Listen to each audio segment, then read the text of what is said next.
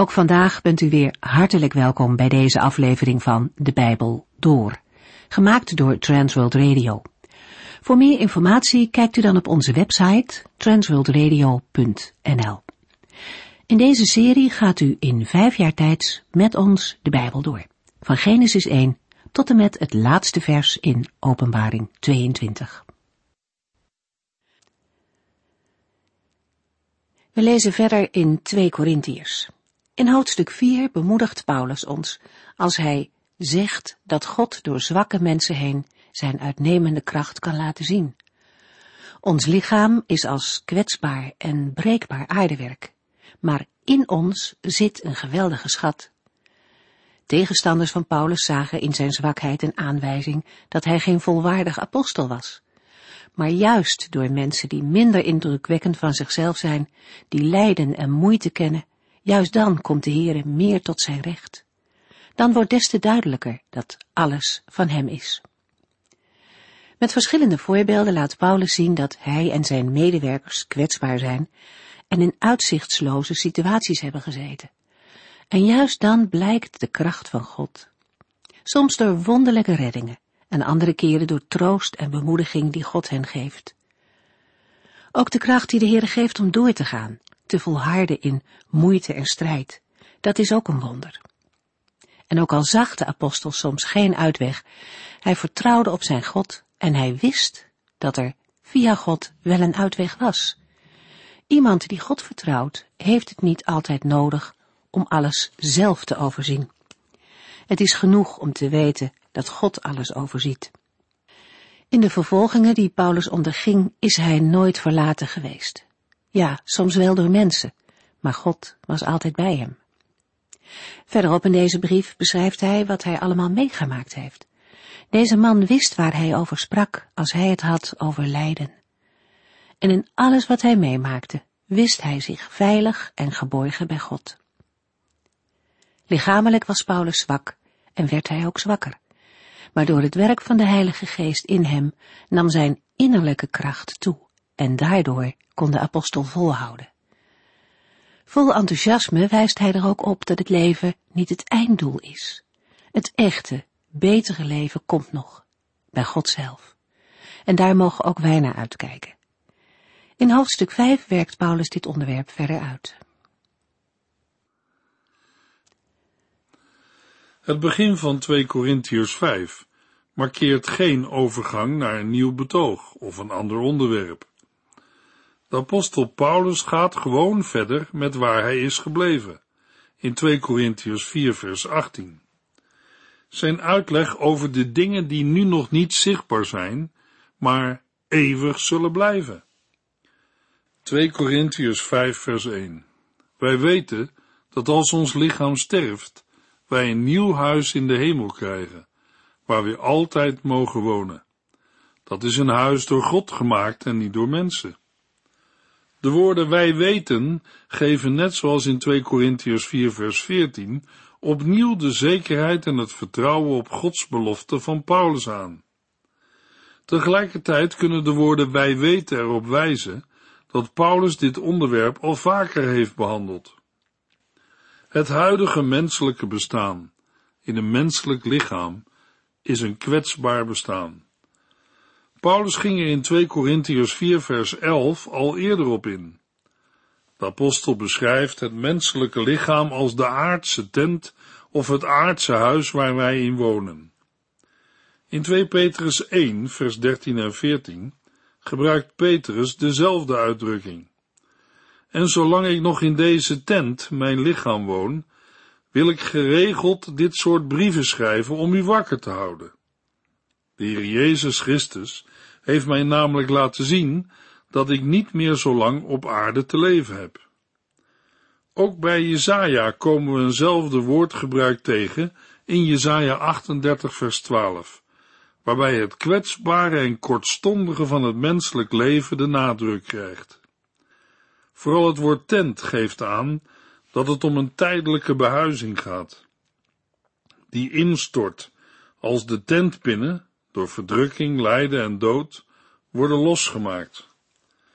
De woorden als ons lichaam sterft wijzen op het einde van ons huidige menselijke bestaan. Maar daarmee is het niet afgelopen. Paulus weet dat wij een nieuw huis in de hemel krijgen, waar we altijd mogen wonen.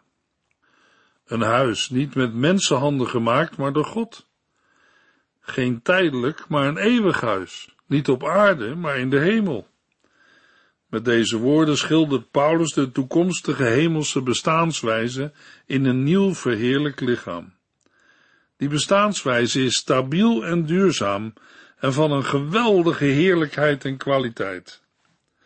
Paulus spreekt hier niet over hemelse woonplaatsen, maar hij vergelijkt de hemelse bestaanswijze met een huis, een gebouw en het aardse bestaan met een tent, die zal worden afgebroken.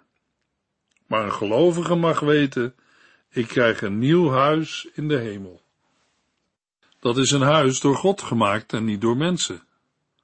Het Griekse woord dat wij met huis vertalen, heeft verschillende betekenissen en is een algemeen woord voor huis, gebouw, woning, tent of huishouden. Het oorspronkelijke woord werd gebruikt voor een woning in het algemeen. Het zij als vast gebouw, het zij als een andersoortige verblijfplaats, zoals een tent of grot. Bepaalde vormen van het grondwoord werden later alleen gebruikt om een gebouwd huis aan te geven. Bij andere vormen ligt de nadruk soms minder op het huis als gebouw, maar meer op de plaats waar iemand woont. Het gaat dan niet zozeer om de behuizing als zodanig, maar meer om de woonplaats. Als wij aan iemand vragen waar woon je, dan verwachten wij geen uitgebreide beschrijving van zijn of haar woonhuis. Dat verwachten we wel als wij aan iemand vragen hoe woon je. Daar komt nog bij dat in het klassieke Grieks het Griekse woord voor huis niet alleen een aanduiding was voor het huis, maar ook voor de inboedel, het verdere vermogen, inclusief de bewoners. Deze onderscheidingen zijn in het Nieuwe Testament nog goed te zien aan het woordgebruik in de Bijbelboeken Lucas en Handelingen. Hetzelfde vinden we ook in de brieven van Paulus. Maar in andere delen van het Nieuwe Testament is het onderscheid minder, met name in Matthäus en Marcus. 2 Korintiërs 5 vers 2 Wij ervaren nu nog wel allerlei moeilijkheden, maar kijken met verlangen uit naar de dag dat wij een hemels lichaam krijgen en dat zullen aantrekken zoals je nieuwe kleren aantrekt. De strekking van dit vers komt overeen met die van Romeinen 8 vers 23, waar we lezen, we hebben als een voorproef van het nieuwe leven de Heilige Geest ontvangen.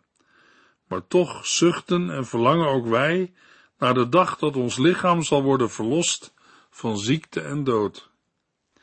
Het bestaan in het huidige aardse lichaam houdt een voortdurende moeite in, niet alleen vanwege de beperkingen, de druk en de vervolgingen die daarin voorkomen, maar vooral vanwege het verlangen naar het volmaakte, het verheerlijkte lichaam. Voortbordurend op de beeldspraak uit vers 1 verlangt Paulus naar het verheerlijkte lichaam dat de gelovigen uit de hemel zullen ontvangen. De verwoording geeft aan dat de apostel hier niet spreekt over het leven in de hemel, maar over het uit de hemel ontvangen van een nieuwe behuizing, dat wil zeggen een nieuw lichaam. In 1 Corinthians 15 vers 53 heeft de apostel er al over geschreven. Ons vergankelijke, sterfelijke lichaam zal verwisseld worden voor een onvergankelijk, onsterfelijk lichaam. In het vervolg gaat Paulus nog verder in op het nieuwe lichaam dat de gelovigen in Christus Jezus gaan krijgen. Wat u, jij en ik vandaag in de spiegel zien, is ons aardse lichaam. De oude tent waarin wij leven. En als we eerlijk zijn, moeten we toegeven dat onze oude tent steeds zwakker wordt. Salomo beschreef het ouder en zwakker worden in het Bijbelboek Prediker met de woorden want er komt een tijd dat uw handen zullen beven van ouderdom. Uw sterke benen zwak zullen worden. U niet genoeg tanden meer hebt om goed te kunnen eten. En u ook langzaam blind begint te worden. dat uw oren doof worden en uw stem zachter klinkt, dat u de vogels nog maar nauwelijks kunt horen fluiten. U zult hoogtevrees hebben en bang zijn om te vallen. Een oude man met witte haren, die zich voortsleept, zonder lichamelijke behoeften. Want de mens staat voor de deur van de dood en nadert zijn eeuwig huis, terwijl de klagers over straat lopen. Het is het proces van ouder worden, die te zien is in de uiterlijke mens. Maar de dingen die gezien worden zijn tijdelijk. Er is ook een innerlijke mens. In de Bijbel lezen we dat ook een mens een drie-eenheid is. Paulus schrijft aan de gelovigen in Thessalonica in 1 Thessalonicense 5 vers 23 Laat het zo zijn dat de God van de vrede u volledig voor zichzelf afzondert en dat uw hele wezen, geest, ziel en lichaam zuiver blijft tot de komst van onze Heer Jezus Christus. Bij de natuurlijke dood van een mens treedt er een scheiding op tussen het menselijk lichaam en de geest en de ziel van een mens. Dan blijft de vraag over, als het lichaam van een mens wordt begraven, waar blijven dan zijn of haar geest en ziel? De Heer Jezus heeft daarover in Lucas 16 vers 22 en 23 een tipje van de sluier opgelicht in de gelijkenis van de rijke man en de arme bedelaar. Ten slotte stierf de bedelaar. Hij werd door de engelen bij Abraham gebracht. De rijke man stierf ook. Hij werd begraven en ging naar het dodenrijk, waar men van God gescheiden is. De geest en ziel van de arme bedelaar werd door de engelen naar de hemel gebracht. Bij Abraham of de schoot van Abraham is een Joodse aanduiding van de hemel. Maar de geest en ziel van de rijke man kwamen in het dodenrijk, daar waar men van God gescheiden is. Daar moest hij wachten op het laatste oordeel.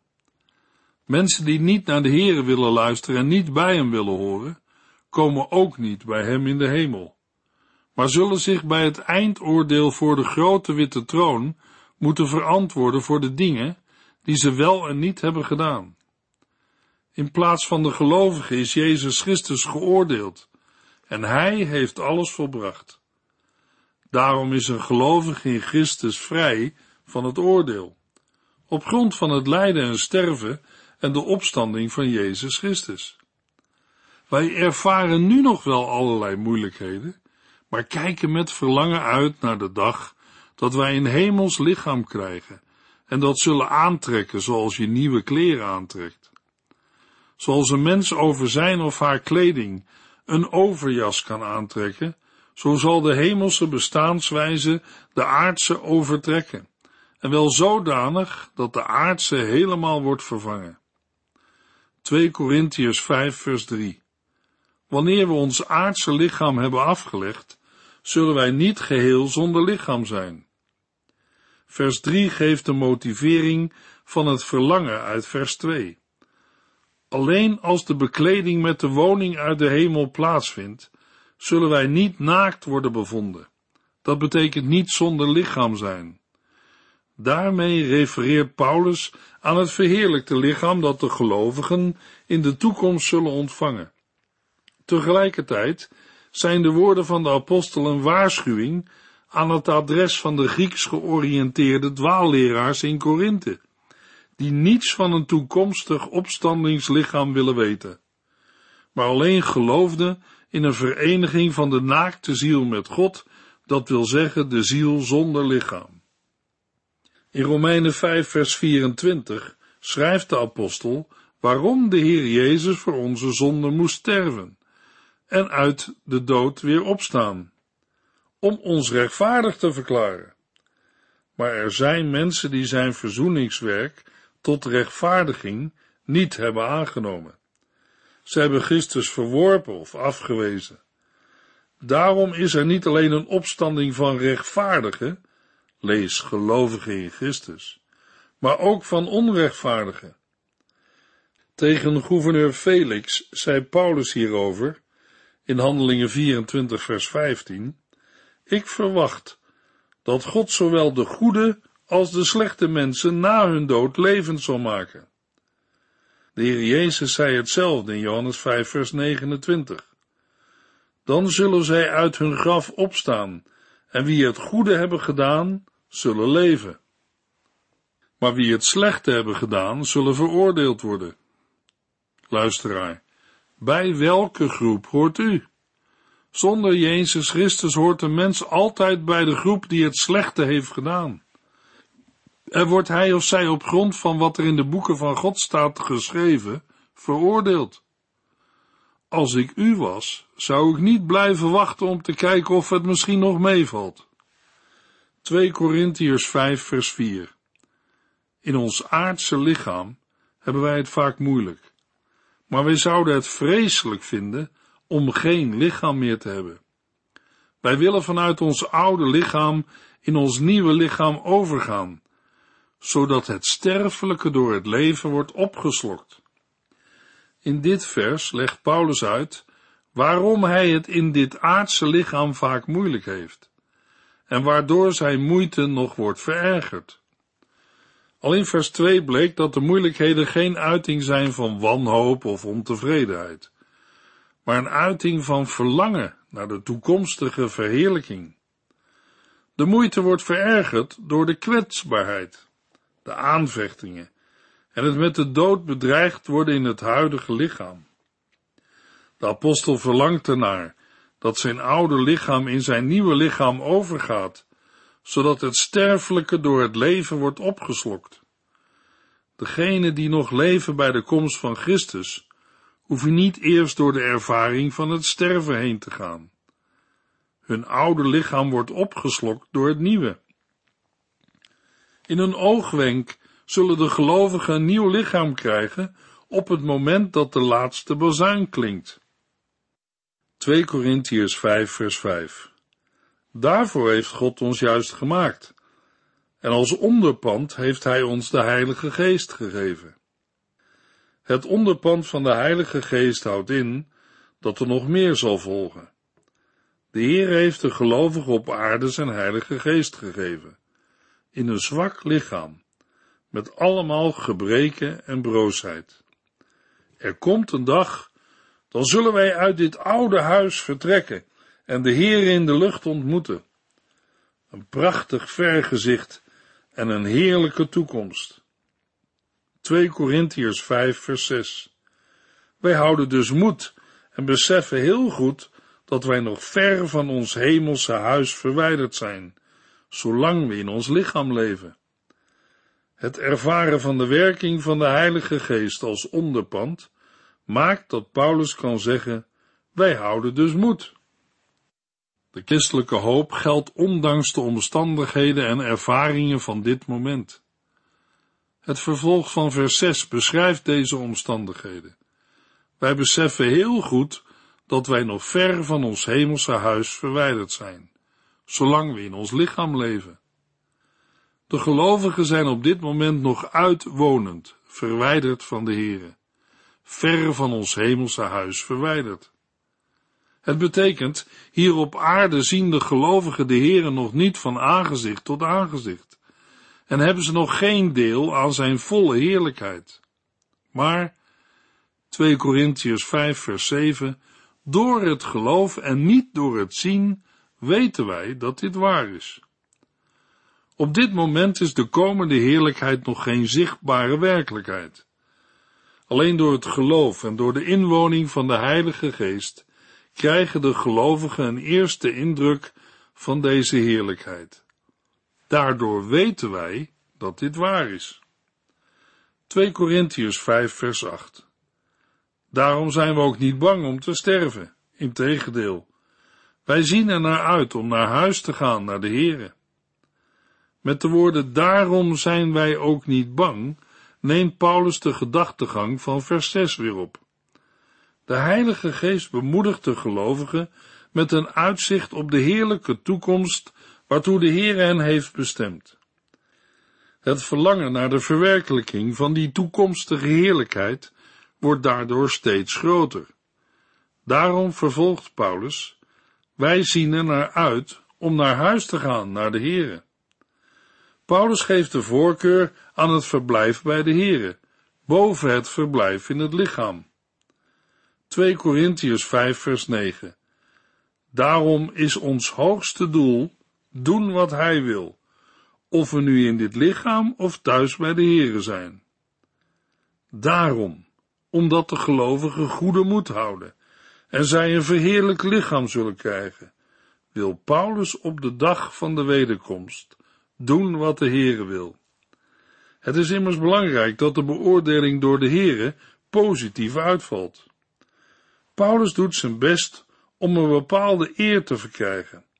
Het is te vergelijken met het streven naar een prijs in de sport. Paulus heeft een dergelijke instelling, omdat hem door Christus eer zal worden gegeven, als bij het uitdelen van loon voor de rechterstoel van Christus blijkt dat de apostel loon mag ontvangen. Het hoogste doel van de apostel Paulus is dat hij er een eer in stelt om ambitieus voor de Here te zijn. Het is hetzelfde Griekse woord dat in 1 Thessalonicense 4 vers 11 vertaald is met Zet u volledig in om een rustig leven te leiden. Bemoei u met uw eigen zaken en verdien uw eigen boterham, zoals we dat al eerder hebben gezegd. Wees ambitieus, niet om een man of vrouw te worden met een geweldige reputatie, maar om een rustig leven te leiden. Immers, de Heere ziet een gelovige aan in Christus. Het is altijd zijn bedoeling geweest ons als zijn kinderen aan te nemen door Jezus Christus, opdat wij hem zouden prijzen voor zijn onovertroffen genade. En hij heeft ons door zijn geliefde zoon laten ervaren hoe buitengewoon goed hij is. In Christus mag ik tot de aangenomen kinderen van God horen. Dat is mijn positie voor de Heer. Hij ziet mij in Christus aan. En hij is voor mij geworden wijsheid, rechtvaardigheid, heiliging en verlossing. Soms kan een christen denken iets groots voor de Heere te moeten doen. De Heere stelde Jeremia deze vraag. Zou u voor uzelf iets bijzonders nastreven? Doe dat niet. Ja, waarom niet? Omdat de Heere graag wil dat u, jij en ik zijn dienaren zijn. Wij moeten zo ver komen dat we kunnen zeggen, Heere, neem mij, breek mij, maak mij en doe met mij wat u wilt. Christenen zijn vrijgekocht van het oordeel door het werk van Christus. Maar dat wil niet zeggen dat een gelovige geen rekenschap hoeft af te leggen van zijn of haar daden. 2 Korintiërs 5 vers 10 Want wij zullen allemaal eens voor Christus rekenschap moeten afleggen. Dan wordt alles blootgelegd. Ieder van ons zal krijgen wat hem toekomt, voor wat hij in zijn aardse lichaam heeft gedaan, goed of kwaad. Niet zonder reden hecht Paulus er grote waarde aan om de Heere welgevallig te zijn. Want wij zullen allemaal eens voor Christus rekenschap moeten afleggen. In de Griekse grondtekst vinden we bij de vertaling voor Christus de toevoeging rechterstoel. Het is een vertaling van een Grieks woord dat ook stap, pas, podium en verhoging voor een rechter of spreker betekent. Een verhoging of podium treffen we meermalen aan als plaats waar een rechter zitting houdt. Maar ook koning Herodes zat op een verhoging waarvanaf hij het volk toesprak. Alle mensen, de gelovigen inbegrepen, of ze nu bij de wederkomst van de Heer Jezus nog leven of al zijn gestorven, zullen voor Christus moeten verschijnen. De Heere heeft zijn oordeel over alle mensen in handen van Christus gelegd. Dat het rekenschap vragen over de gelovigen eerder plaats zal vinden dan over de rest van de mensheid, doet hier niet ter zake. Bij het oordeel zullen zij zichtbaar worden, dat wil zeggen, hun leven zal aan het licht komen. Alles wat ze ooit hebben gedaan en gedacht, heimelijk en in het openbaar, zal zichtbaar worden. Paulus wil daarbij niet voor verrassingen komen te staan. Opvallend is de waarde die aan het huidige lichaam wordt toegekend. Ieder van ons zal krijgen wat hem toekomt, voor wat hij in zijn aardse lichaam heeft gedaan, goed of kwaad. Wat een mens met zijn of haar lichaam doet, laat God niet onverschillig. We proeven hier duidelijk een waarschuwing tegen het denken van de gnostiek en de Griekse filosofie. Beide zijn in veel gevallen onverschillig ten opzichte van het menselijke lichaam.